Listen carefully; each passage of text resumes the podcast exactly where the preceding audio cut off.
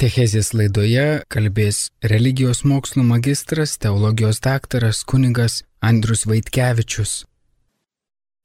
Garbėjai Kristui, mėly broliai seserys, brangus Marijos radio katechezės laidos klausytojai, tęsime mūsų susitikimų ciklą skirtą Šventojo Juozapo metams, siekdami įsigilinti į tėvystės ir vyriškumo slėpinius žvelgdami į juos iš skirtingų perspektyvų.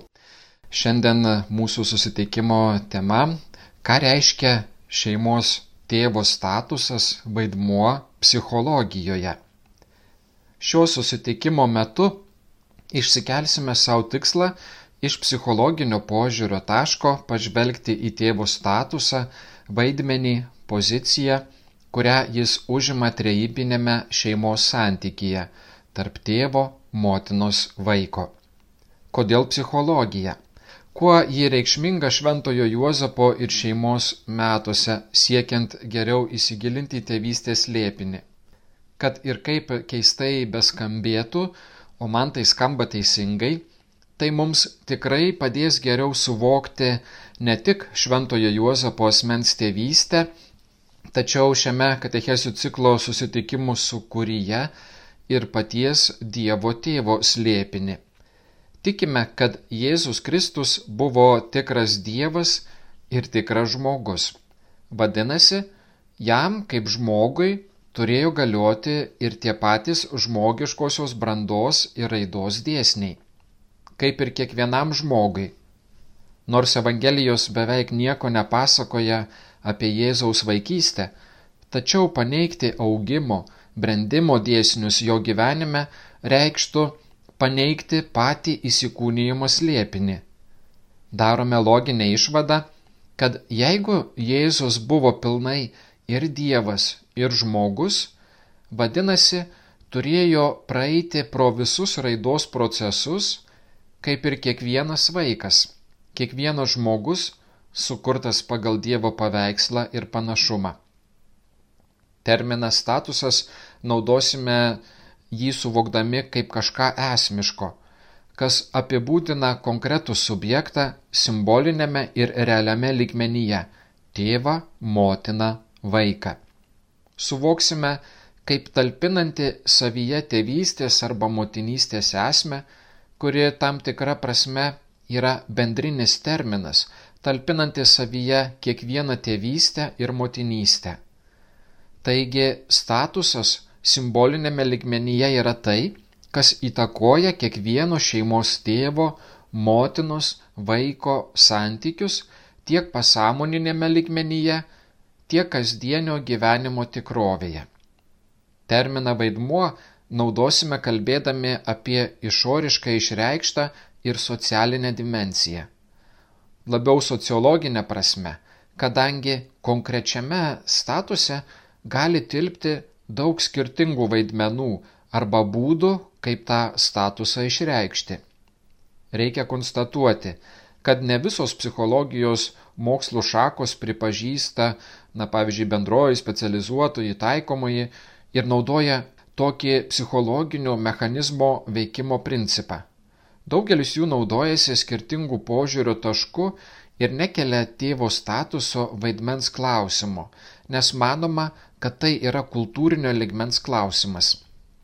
Šioms psichologijos mokslo atšakoms, kurios anot jų nekalba vien tik tai apie subjektą, bet daugiau koncentruojasi į fenomenų analizę, žmogaus vidinių struktūrų analizę, veikimo mechanizmus, dažnai tokius būdus ir bandymus kalbėti darant psichologinę analizę vadina tiesiog socialinės arba sociologinės sferos pasakojimais. Ne visoms psichologijos mokslo atšakoms svarbus subjektas gebantis kalbėti ir išreikšti save. Tik psichoanalizė ir terapinių mokslų sfera atveria šią galimybę. Reikia tad psichologijos, kuri analizuotų žmogiškojo aš santyki kuriamą per žodį kalbančiojo subjekto psichologija arba psichoanalizė vienu žodžiu apibendrinant geba paaiškinti tėvo statusą, vaidmenį, Dėl to, kad tai yra galimybė pažinti įgaunamą per buvimą kalbančiuoju. Ir mes šiandien remkimės tikrovės analizę, prisiliesdami prie psichoterapinio kalbėjimo būdo.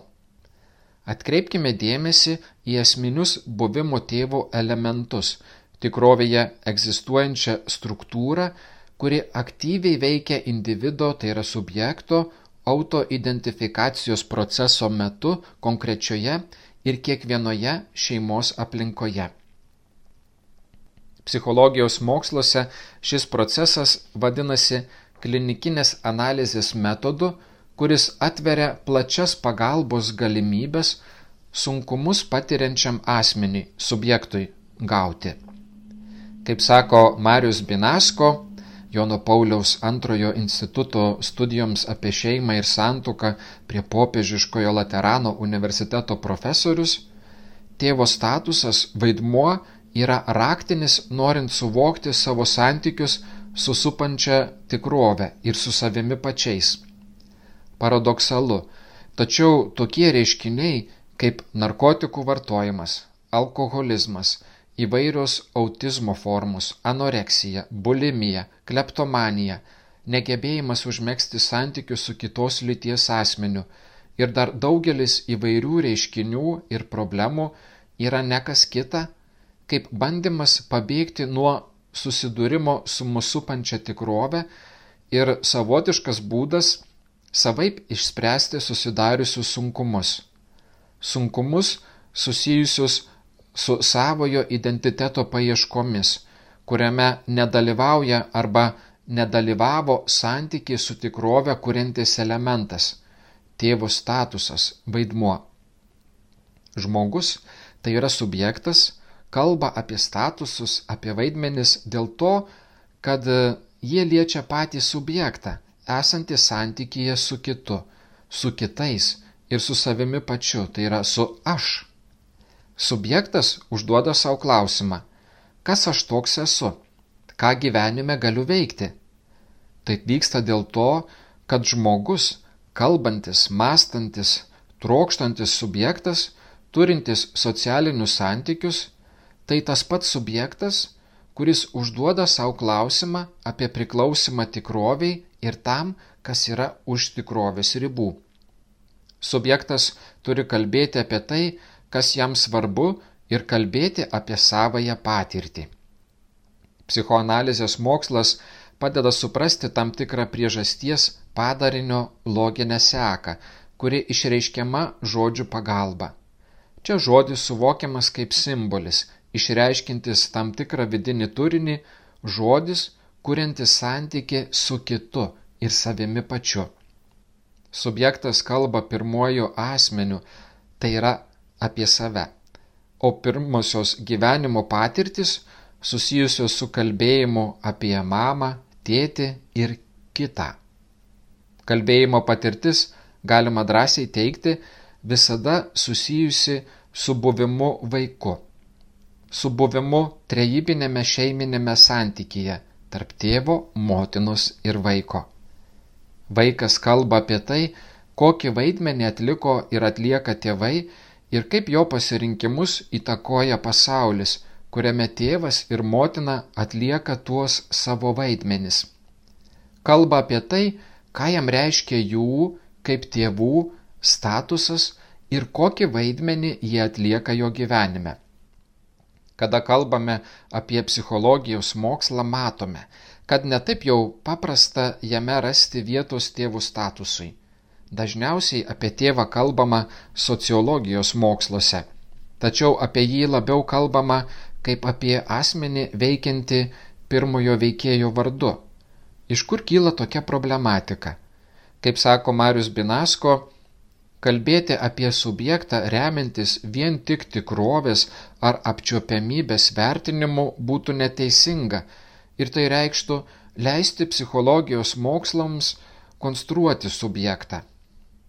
O juk tėvystės ar motinystės subjektas savo giliausia esmė yra tai, kas simbolinėme ligmenyje egzistuoja savaime dar prieš tampant konkrečiam žmogui tėvu ar motina.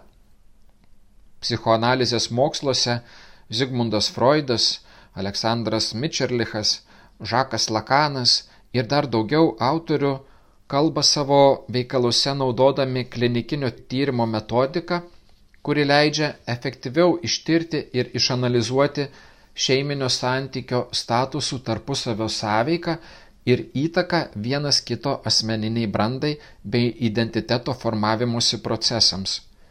O tėvystės ir motinystės statusų ir vaidmenų esmės būtų neįmanoma suvokti, nenaudojant psichoanalitinių elementų, įrankių, tokių kaip simboliai ir simbolio reikšmės ženklai. Ne dėl to naudojamas psichoanalizės instrumentas kad atskirą statusą būtų galima analizuoti kaip tikslą savyje, o todėl, kad statusas apibūdina ir konkretų subjektą, gebantį kalbėti apie save, apie aš, turinti santyki su kitais ir su pačia tikrove. Kada kalbame apie subjektą, naudodamiesi psichoanalizės instrumentu, turime mintyje ne tik tą subjekto pusę, kurią galime įvardinti kaip sąmoningąją, tačiau ir tą pusę, kuri telpa žmogaus pasąmonėje. Kaip ją pavadino Žakas Lakanas, pasąmonės subjektą. Čia slypi visas klausimo apie tėvo statusą ir vaidmenis sudėtingumas, kuris savo esme yra be galo įvairialypis ir į kurį galima pažvelgti iš daugybės skirtingų perspektyvų. Žmogus, kaip subjektas, gimsta pasąmoninėme lygmenyje, o faktoriai, padedantis save suvokti kaip subjektą, nėra vien tik tiesiogiai matomi. Jie yra logiški ir nėra kylantis vien iš manojo stebėjimo. Tačiau tuo pačiu metu esminiai mūsų gebėjimui norint atsakyti į klausimą, kas aš esu. Ši patirtis ir vidinė subjekto dinamika apima ir tai, ko trūksta mano gyvenime. Pavyzdžiui, išsiskyrusioje šeimoje, kada trūksta tėvo arba motinos buvimo tiek fizinė, tiek pasąmoninė prasme. Žakas Lakanas teigia, kad žmogaus vardas taip pat turi savo statusą, kuris padeda susiorientuoti ir atsakyti į klausimą, kas aš esu. O tėvo statuso vienas esminių momentų yra suteikti vaikui vardą, ką ir matome Šventojo Juozapo asmenyje, kada drauge su šventaja šeima atėjęs į šventyklą paukoti savo pirmagimio ištarė – jo vardas Jėzus. Vardas Žako Lakano suvokime nėra vien tik tas garsas, kurį išgirdę atsiliepiame. Vardas autoriui yra tai, kas leidžia subjektui turėti stabilų santyki su savimi pačiu. Vardo konceptas leidžia suvokti, kas esi, mąstyti, jausti save įvairiausiose gyvenimo situacijose ir visose santykiuose su kitais. Vardas atlieka vieną esminių žmogaus statuso suradimo ir užfiksavimo procesų, padeda suvokti, atrasti savąjį identitetą pačiam subjektui ir visose gyvenimo patirtyse ir bet kokiuose bendravimo ligmenyse jo neprarasti. Čia reikia užsiminti ir apie tiesos svarbą žmogaus gyvenime, nes tik santykis paremtas gyvenimu tiesoje yra toks, kuris nėra žalingas pačiam subjektui. Tiesos apie santyki tarp dviejų ar daugiau subjektų tėvo, motinos ir vaiko. Vadinasi, neužtenka subjektui santykio su kai kuo ar kažkuo, tačiau svarbu ir tai, kas yra tiesa šiuose santykiuose. Neužmirškime, kad psichoanalizės tėvas ir išradėjas Zigmundas Freudas visų pirma hipnozijos būdu bandė prisiliesti prie paslėptų ar subjekto užmirštų tiesų. Zigmundas Freudas, kalbėdamas apie užmirštas tiesas, visų pirma turi mintyje pačios tiesos neigimą, užblokavimą, naujos sukūrimą. Tai yra įvairiausius būdus priimti tikrovę, tačiau ją savaip iškraipant. Intuityviai galime pabandyti suprasti, kokią svarbę vietą tėvo statusas užima vaiko gyvenime. Juk tėvas yra tas, kuris sako tiesą ir yra jos garantas. Praktinėme gyvenime, kada subjektas, tai yra vaikas, suvokia, kad jo tėvas meluoja, šokiruojamas, pasimeta. Tėvas jam yra tas, iš kurio laukta autentiškumo, tiesos gynimo, esminių subjektui vaikui dalykų. Tėvas nereiškia vien tik vieno konkretaus asmens, jis tuo pačiu ir simbolis. Tėvystė tarsi atvaizdas, kurį atrandame tiek apie jį mąstydami, tiek auklėjimo procese. Jeigu iš tėvystės atimtume simbolinį lygmenį, tėvas taptų tiesiog individu, kuris yra šalia motinos. Nebūtų tuo, kuris yra pašauktas išgyventi tėvystės santyki su savo vaikais. Mes susitikimų cikle bandysime nuolat kalbėti apie šį santyki su tėvo statusu, taip pat apie realų tėvo buvimą šeimoje apie tėvą, kuris simbolinėme pasąmoninėme ligmenyje struktūruoja, tvarko vaiko pasąmonę. Kaip Marius Binasko, darydamas psichosociologinį žmogaus gyvenimo analizės pjūvį, sako, svarbiausia tampa ne taisyklė, tačiau išimtis. Svarbiausia ne normalus veikimas, tačiau krizė, įvykstanti mūsų normų suvokimo ribose, svarbi ne fiziologija, tačiau simptomas, kuriame atsirandame to nenorėdami ir to nežinodami. Išimčių koncepcija yra socialinė, nes sociologinė. Tėvo išimtis suponuoja santykio su tėvu galimybę. Tačiau vakarietiškojų teisinių pagrindų kuriamose valstybėse santykiai grindžiami ne autoriteto principu, tačiau keičiant visuomenės vadovaujantis lygybės principu. Tai yra lygybės įstatymai, lygios teisės. Visiems galioja tos pačios teisės. Visiems psichologinė kalba išsireiškiant galioja tas pats tabu. Mokslinis universalizmas pastato visus žmonės ant lygybės principo pakopos. Visi įstatymai, socialinė politika administracinė teisė visa daroma taip, kad netgi subjektas būtų suvokiamas žvelgiant per šią lygybės prizmę. Asmens gerovė, santykiai, netgi mintis, biopolitika ir kiti dalykai. Čia kylo konfliktas, kalbant apie paties žmogaus suvokimo esmę. Žmogaus, kuriam tėvo statusas netgi nesvarbu, kas jį prisima, užima pamatinę vietą žmogaus gyvenime. Nes tėvas, šis pavadinimas, šis vardas padeda kurti stabilų santyki su tikrove ir dėl to, kad tam, jog sukurtumei įstatymą, reikalinga išimtis iš jo. O tai ir yra tėvo statuso, pavadinkime, darbas. Apie tai kalbėsime plačiau kada analizuosime Edipo kompleksą. Tėvo statusas, vaidmuo šeimoje yra simbolinis veiksnys, kadangi suteikia vaikui galimybę palyginamojų būdu įgauti savojo identiteto suvokimo dėmenį. Simbolinėme lygmenyje šią tiesą galima įsisamoninti tik per pavyzdį. Ir čia naujo individo, tai yra subjekto gyvenime be galo svarbus trejybinis santykis tarp tėvo, motinos ir vaiko. Jis suteikia galimybę neapvokti subjekto ir padėti susipažinti su pilna žmogiškojo gyvenimo galimybė, identifikuojant save kaip vyrą arba moterį.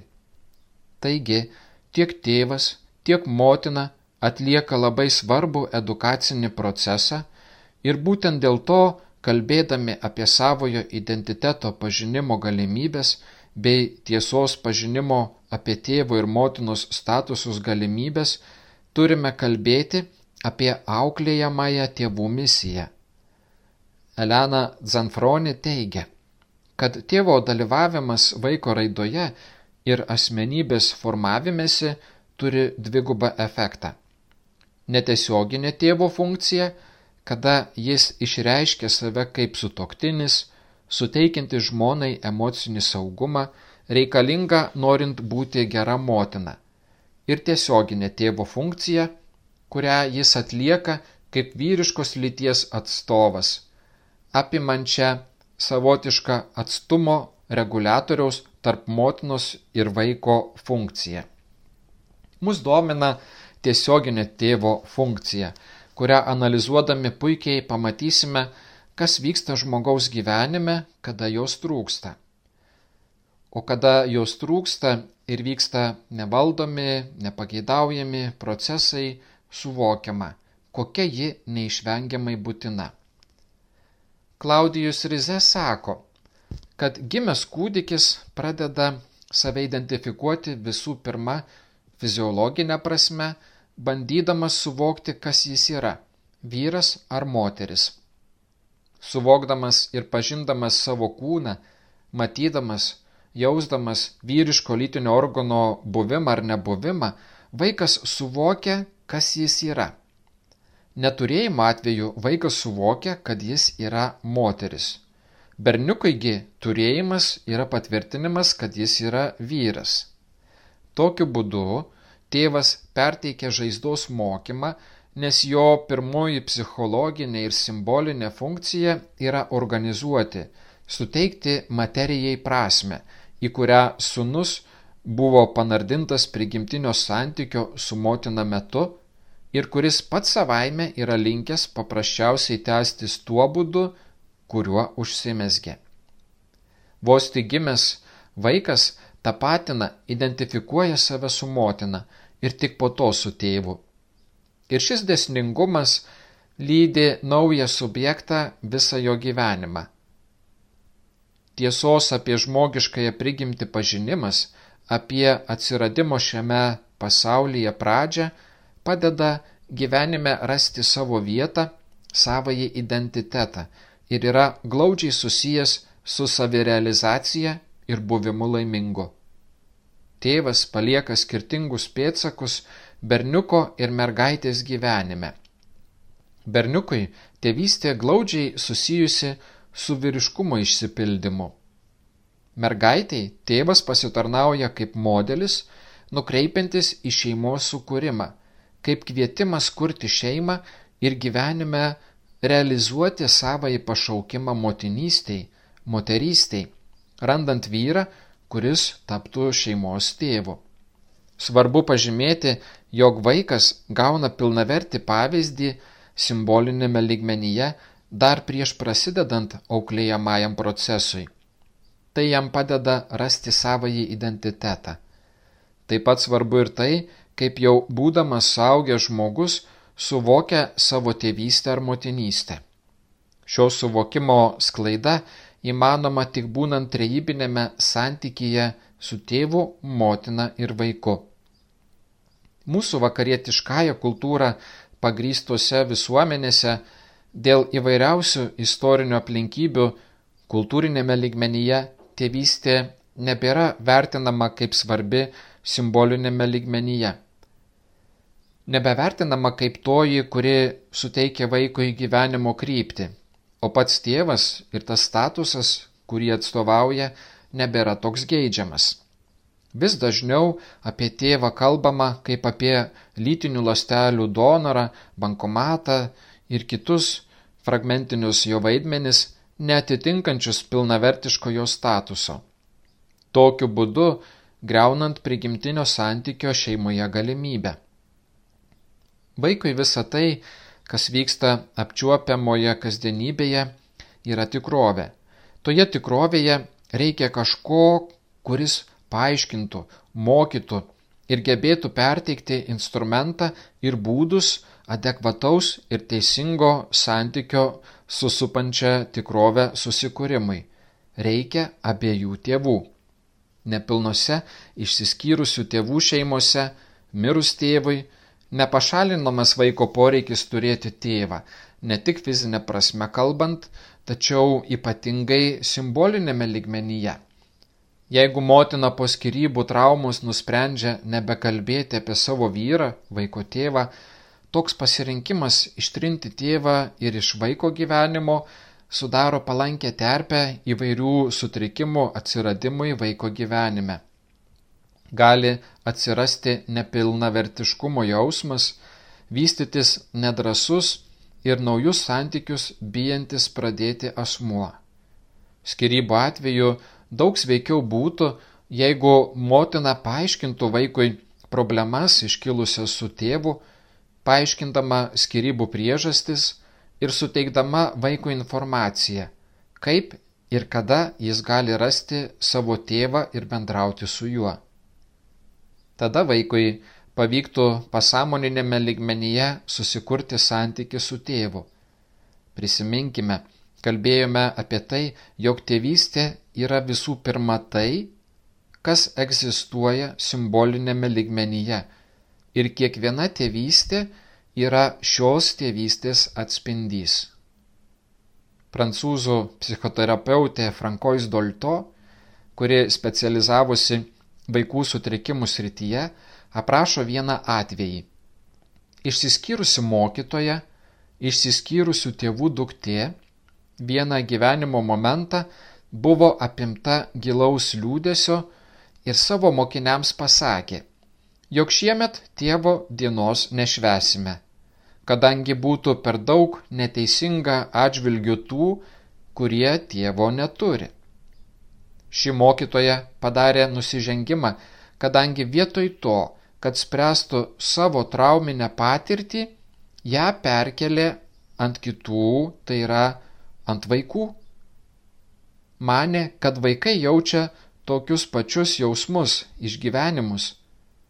Moteris iš tikro veikia prieš vaikų interesus, iškraipydama tiesą apie tėvo statuso vaidmens svarbą jų gyvenime. Tėvo statuso simbolinis ligmuo visada yra atsakymas į iškylančius sunkumus ir žmogaus atsiradimo prielaida bei ženklas. Klausimas tik toks. Kaip pavyksta perteikti tą tėvo statuso simbolį, tą, į kurį būtų galima lygiuotis, arba tą, kuris padeda suvokti, kad esu skirtingas. Nes tai yra vienintelis būdas suvokti, ką reiškia būti žmogumi, būdas įgalinantis atsakyti į klausimus, kur yra mano pradžia ir kas aš toks esu. Būdas padedantis suvokti save kaip subjektą. Tėvo statusas kaip simbolinėme lygmenyje veikiantis mechanizmas kyla iš pačios žmogaus gyvenimo tikrovės, taip pat iš to simbolio statuso egzistuojančio kiekviename iš mūsų. Brangus Marijos radio klausytojai, Kitoje mūsų temoje analizuosime Zigmundo Freudo tekstus. Jis, psichoanalizės tėvas, atrado tėvo statuso mechanizmo veikimą kiekvieno žmogaus pasąmonėje. Tad tariu iki pasimatymo, iki kitų susitikimų. Garbė Jėzui Kristui. Katechezė sakė Klaipėdos universiteto docentas kunigas daktaras Andrus Vaitkevičius.